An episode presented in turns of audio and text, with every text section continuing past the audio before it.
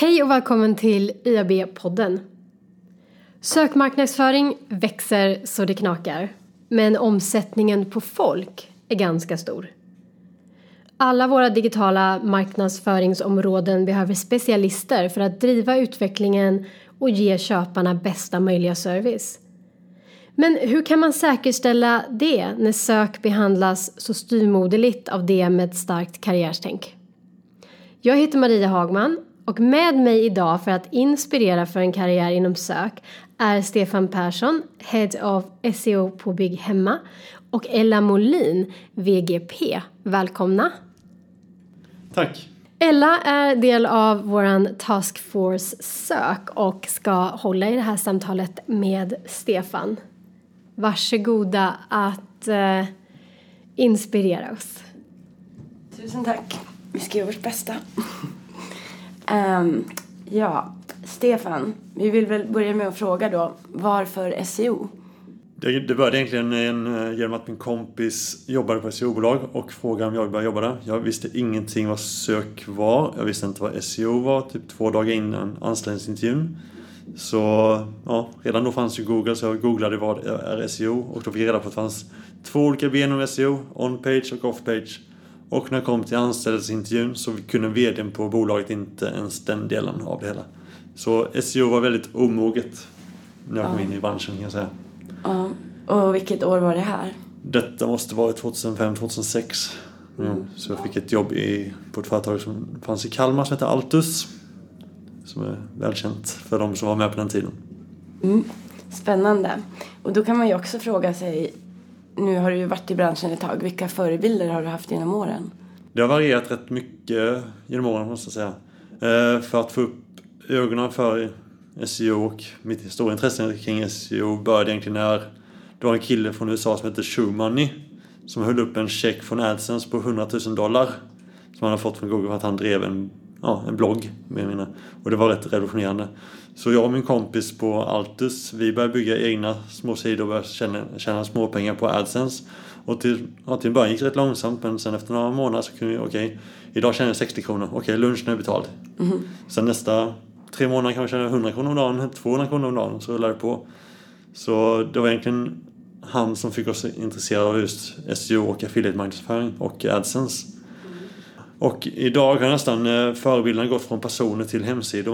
Man hittar istället bra hemsidor som man vill efterlikna. Man hittar bra funktioner, man hittar bra ja, tips till besökare egentligen. Man... Mm. Kan du ge exempel på några hemsidor som du tittar på i dagsläget?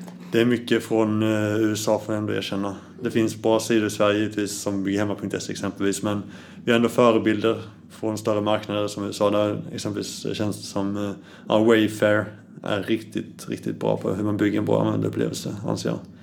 Även eh, Amazon gör ett bra jobb, även om SEO ska kunna förbättras lite men just användarupplevelsen tycker jag är jättebra. Och möjligheten att kunna hitta produkter är någonting som vi lär mycket av.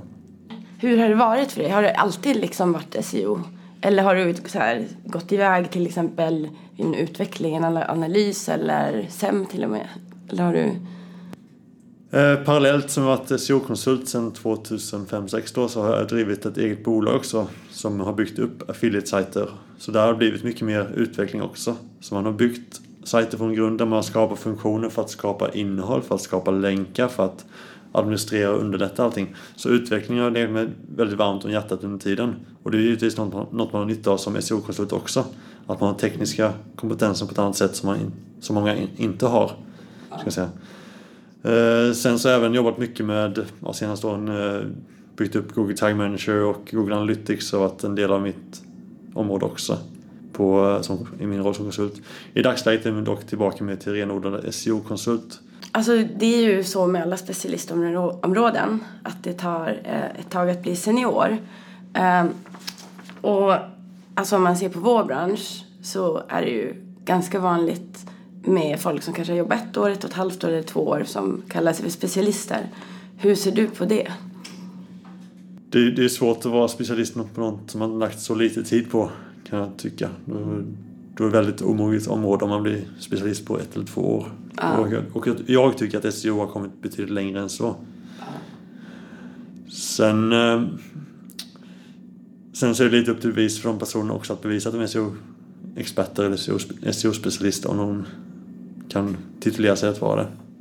Men om jag som arbetsgivare i en annons söker någon som är rent generellt sådär bra på hemsidor, bra kommunikation. Jag vill gärna ha någon som, som är jättebra på SEO eller som är SEO-specialist. Precis som ni sa nu, är inte det en väldigt speciell grej att fråga efter när man också vill att de ska vara kommunikatörer och marknadsförare också. Plus SEO-specialist. Och vad i så fall är er åsikt?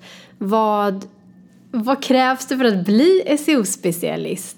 Liksom är det bara något, något man har hittat på eller tycker ni att det finns något minimum att det här ska man kunna om man vill kalla sig en specialist?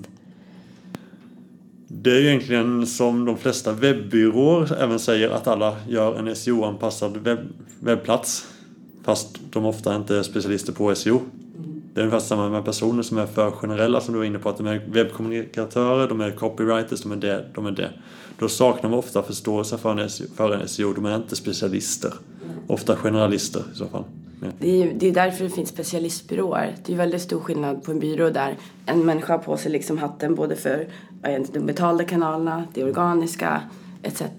Det är ju därför specialistbyråer, liksom du har ett helt team som är bara specialist på en sak. För att det är så himla mycket att lära sig. Och det finns ju en poäng att liksom, man måste ju ha gått igenom en viss del trafik som det tar flera år att gå igenom för att man ska kunna ha erfarenheten och i alla fall göra sannolikt bra gissningar på olika situationer som kan uppstå. Absolut. Till exempel. Ja. Och det är också skillnad på vad man jobbar med. Jobbar man med SEO mot kund, en viss kompetens. Jobbar man med SEO inhouse, en annan kompetens också. Så det är svårt att vara SEO-specialist överallt. De bästa SEO-konsulterna är förmodligen inte de som kan tjäna mest pengar på SEO affiliate, eller tvärtom. De bästa som är, de som är bäst på SEO affiliate kan förmodligen inte handleda en kund att bygga den bästa hemsidan. Så det är skillnad olika nischer också. Mm. Så jag tänker bara vilka olika områden inom SEO finns det då som man kan jobba med? Du har nämnt SEO mot kund och SEO internt. Vad för slags områden kan man, kan man jobba inom? Det är också inom SEO och bygga upp egna sajter. Alltså SEO affiliate, du bygger upp en sida som börjar ranka på Google och sen så tjänar pengar genom att du skickar trafiken vidare till slutkund. Det är en väldigt växande bransch. Eh, vilken sorts person det är som ty tycker om att jobba inom sök? Finns det några så här karaktärsdrag typ som du skulle säga? Om, om vi tar konsult så är det ofta någon som är väldigt bra på problemlösning egentligen. För du kan inte bara ge ett alternativ till kunden. Du måste kunna presentera flera olika lösningar på ett bra sätt. Eh, bygger egna sajter så är mer, alltså du ska vara självständig och ja, strukturerad. Men just att ja, någonstans mellan problemlösare och en kreativ själ skulle jag säga. Mm. En person som inte bara är datadriven utan mer datainspirerad. Som kan tolka data och göra saker med det. Ja, lite så här outside the box person. Ja, precis. Man måste kunna vara kreativ. Man måste ja. kunna vara smartare eller vara mer kreativ än andra personer som gör liknande saker. Ja. Var, um, eller var, kanske hur, hur håller du dig uppdaterad med vad som händer? Du nämnde ju tidigare, tidigare några amerikanska sajter, men har du någon så rutin? Uh, alltså jag vet till exempel på mitt jobb, där brukar vi ha workshops varje vecka där folk har så olika områden som de håller sig uppdaterade inom. Har du någon sån grej eller är det bara hur, hur, hur håller du dig uppdaterad? Egentligen att uh, följa de personer man respekterar på Twitter och liknande. Och sen så har du egentligen en rutin på kvällen att ofta gå igenom Twitterflödet sen spara ner alla artiklar till något som heter Pocket. Som man kan läsa sen om det behöver lite mer tid. Jag tycker det är svårt att, eh, att läsa för tekniska och för informativa inlägg på mobilen. Då vill jag gärna ha en datorskärm framför mig för att också kunna testa sakerna.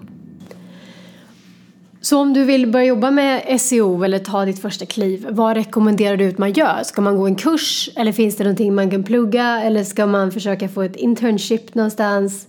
Vad rekommenderar du? Det beror ju på vilken bakgrund du har. Alltså är du färdigutbildad inom någon nisch som ekonomi, teknik eller marknadsföring och vill specialisera på SEO, då kan en internship passa dig allra bäst. Är du helt grön och inte vet vad, mycket mer vad webben är mer än att det är en, det du ser en webbläsare, då kan det vara bättre att gå en kurs, exempelvis en YH-utbildning eller liknande. Det finns specialiserade utbildningar för SEO eller för marknadsföring på nätet. Det är ju jättemycket vanligare också. Det bara svämmar av utbildningar just nu som poppar upp varje år. Så det är jättebra. I och med att det finns ett så stort behov. Men det är också det man har ett tag i branschen. Man ser att ja, branschen har vuxit med 20% varje år i snitt kanske under de senaste tio åren. Så förstår man varför det kommer massa utbildningar helt plötsligt. Ja. När, när, ja, när jag började så visste jag sagt inte ens vad SEO var. Nej. Nu vet ju till och med min mamma vad SEO är och hon, hon äger ingen dator. Um, vad skulle du säga har varit den främsta utmaningen för SEO och för sök hittills? Oj, eh, det beror på. Om man går tillbaka till 2006 så var det ju det är en helt annan värld mot det idag. Då satt jag och en kille till och hade hand om 2000 kunder. Liksom vi satt och la in metatitlar på sidor och fakturerade 4000 kronor om året. Medan nu idag är det att man kan, som när jag slutade som SEO-konsult på ja, mitt förra företag, då hade jag fem, sex kunder kanske egentligen som jag jobbade med löpande. Så det är en väldig skillnad. Men eh, tidigare, var, tidigare var utmaningen egentligen att få folk att förstå att SEO var viktigt. I dagsläget är det mer att man måste förstå folk att SEO inte är magi utan att SEO är någonting man måste investera både tid och pengar i. Både när det kommer till innehåll, webbsidans struktur och länkar. Um, men framöver då, vad, vad, tror du är den eller det flest, alltså det, de största utmaningarna liksom framåt? Jag tror att, eh, att Google vill behålla trafiken så mycket som möjligt i sin silo. De vill kapitalisera mer på den trafik de har. Det är enklare för dem att få en besökare och stanna kvar längre tid än att attrahera en, en ny besökare. Så de, de, eh, man ser redan idag att de eh, sitt sökresultat med massa tjänster. Exempelvis söker på flyg London så kommer Googles searchbox upp där för flygresor. Söker på diverse frågor så svarar Google direkt i knowledge graph eller knowledge, knowledge box. Så, vidare. så de vill inte släppa taget om sina besökare. Och det är en utmaning för alla vi som vill ha trafik till våra sajter via Google. Så vi måste hitta nya sätt att attrahera den trafiken. Hur mycket information ska vi ge till Google och hur mycket ska vi hålla från Google egentligen? För att även kunna, i framtiden kunna ha någonting att erbjuda våra besökare. För en e-handlare så är det bättre än en, exempelvis en nyhetssajt eller något liknande som svarar på frågor. Det är mycket enklare för Google att äga alla frågorna, alla svaren, än att kunna sälja alla produkter. Vad tror du om, eh, det har ju nyligen kommit, alltså Google håller ju alltid på att experimentera med nya annonsformat. Och när det kommer till de betalda annonserna så har de nyligen gjort en förändring där det är enligt många väldigt, väldigt svårt att särskilja en annons. Ja, de ändrar från... om texten från grön till svart egentligen på annonsen. Ja. Plus att de har in ikoner på det organiska så att det organiska är väldigt likt ja. det betalda. Och det är ju det är ju självklart att de vill ha så mycket klick som möjligt på sitt betalda. Och det ser man också på, eh, när man kollar på CTR på trafiken. Så har ju, i synnerhet på mobil, har ju click rate på annonser ökat. Och jag tror det är, vad är det, är det 50 procent idag som inte ens klickar på något resultat på Google. Att de redan, redan på Google får svar på sin fråga. Alltså mycket av det är ju givetvis lokala sökningar kring okay, vad är adressen till min pizzeria eller min, liknande. Men ändå att de kan ge svar på så mycket och behålla besökaren i sitt nät. Innehåll, länkar och teknik. Om du kan göra kanske en liten framtidsspaning för innehåll till att börja med. Vad tror du?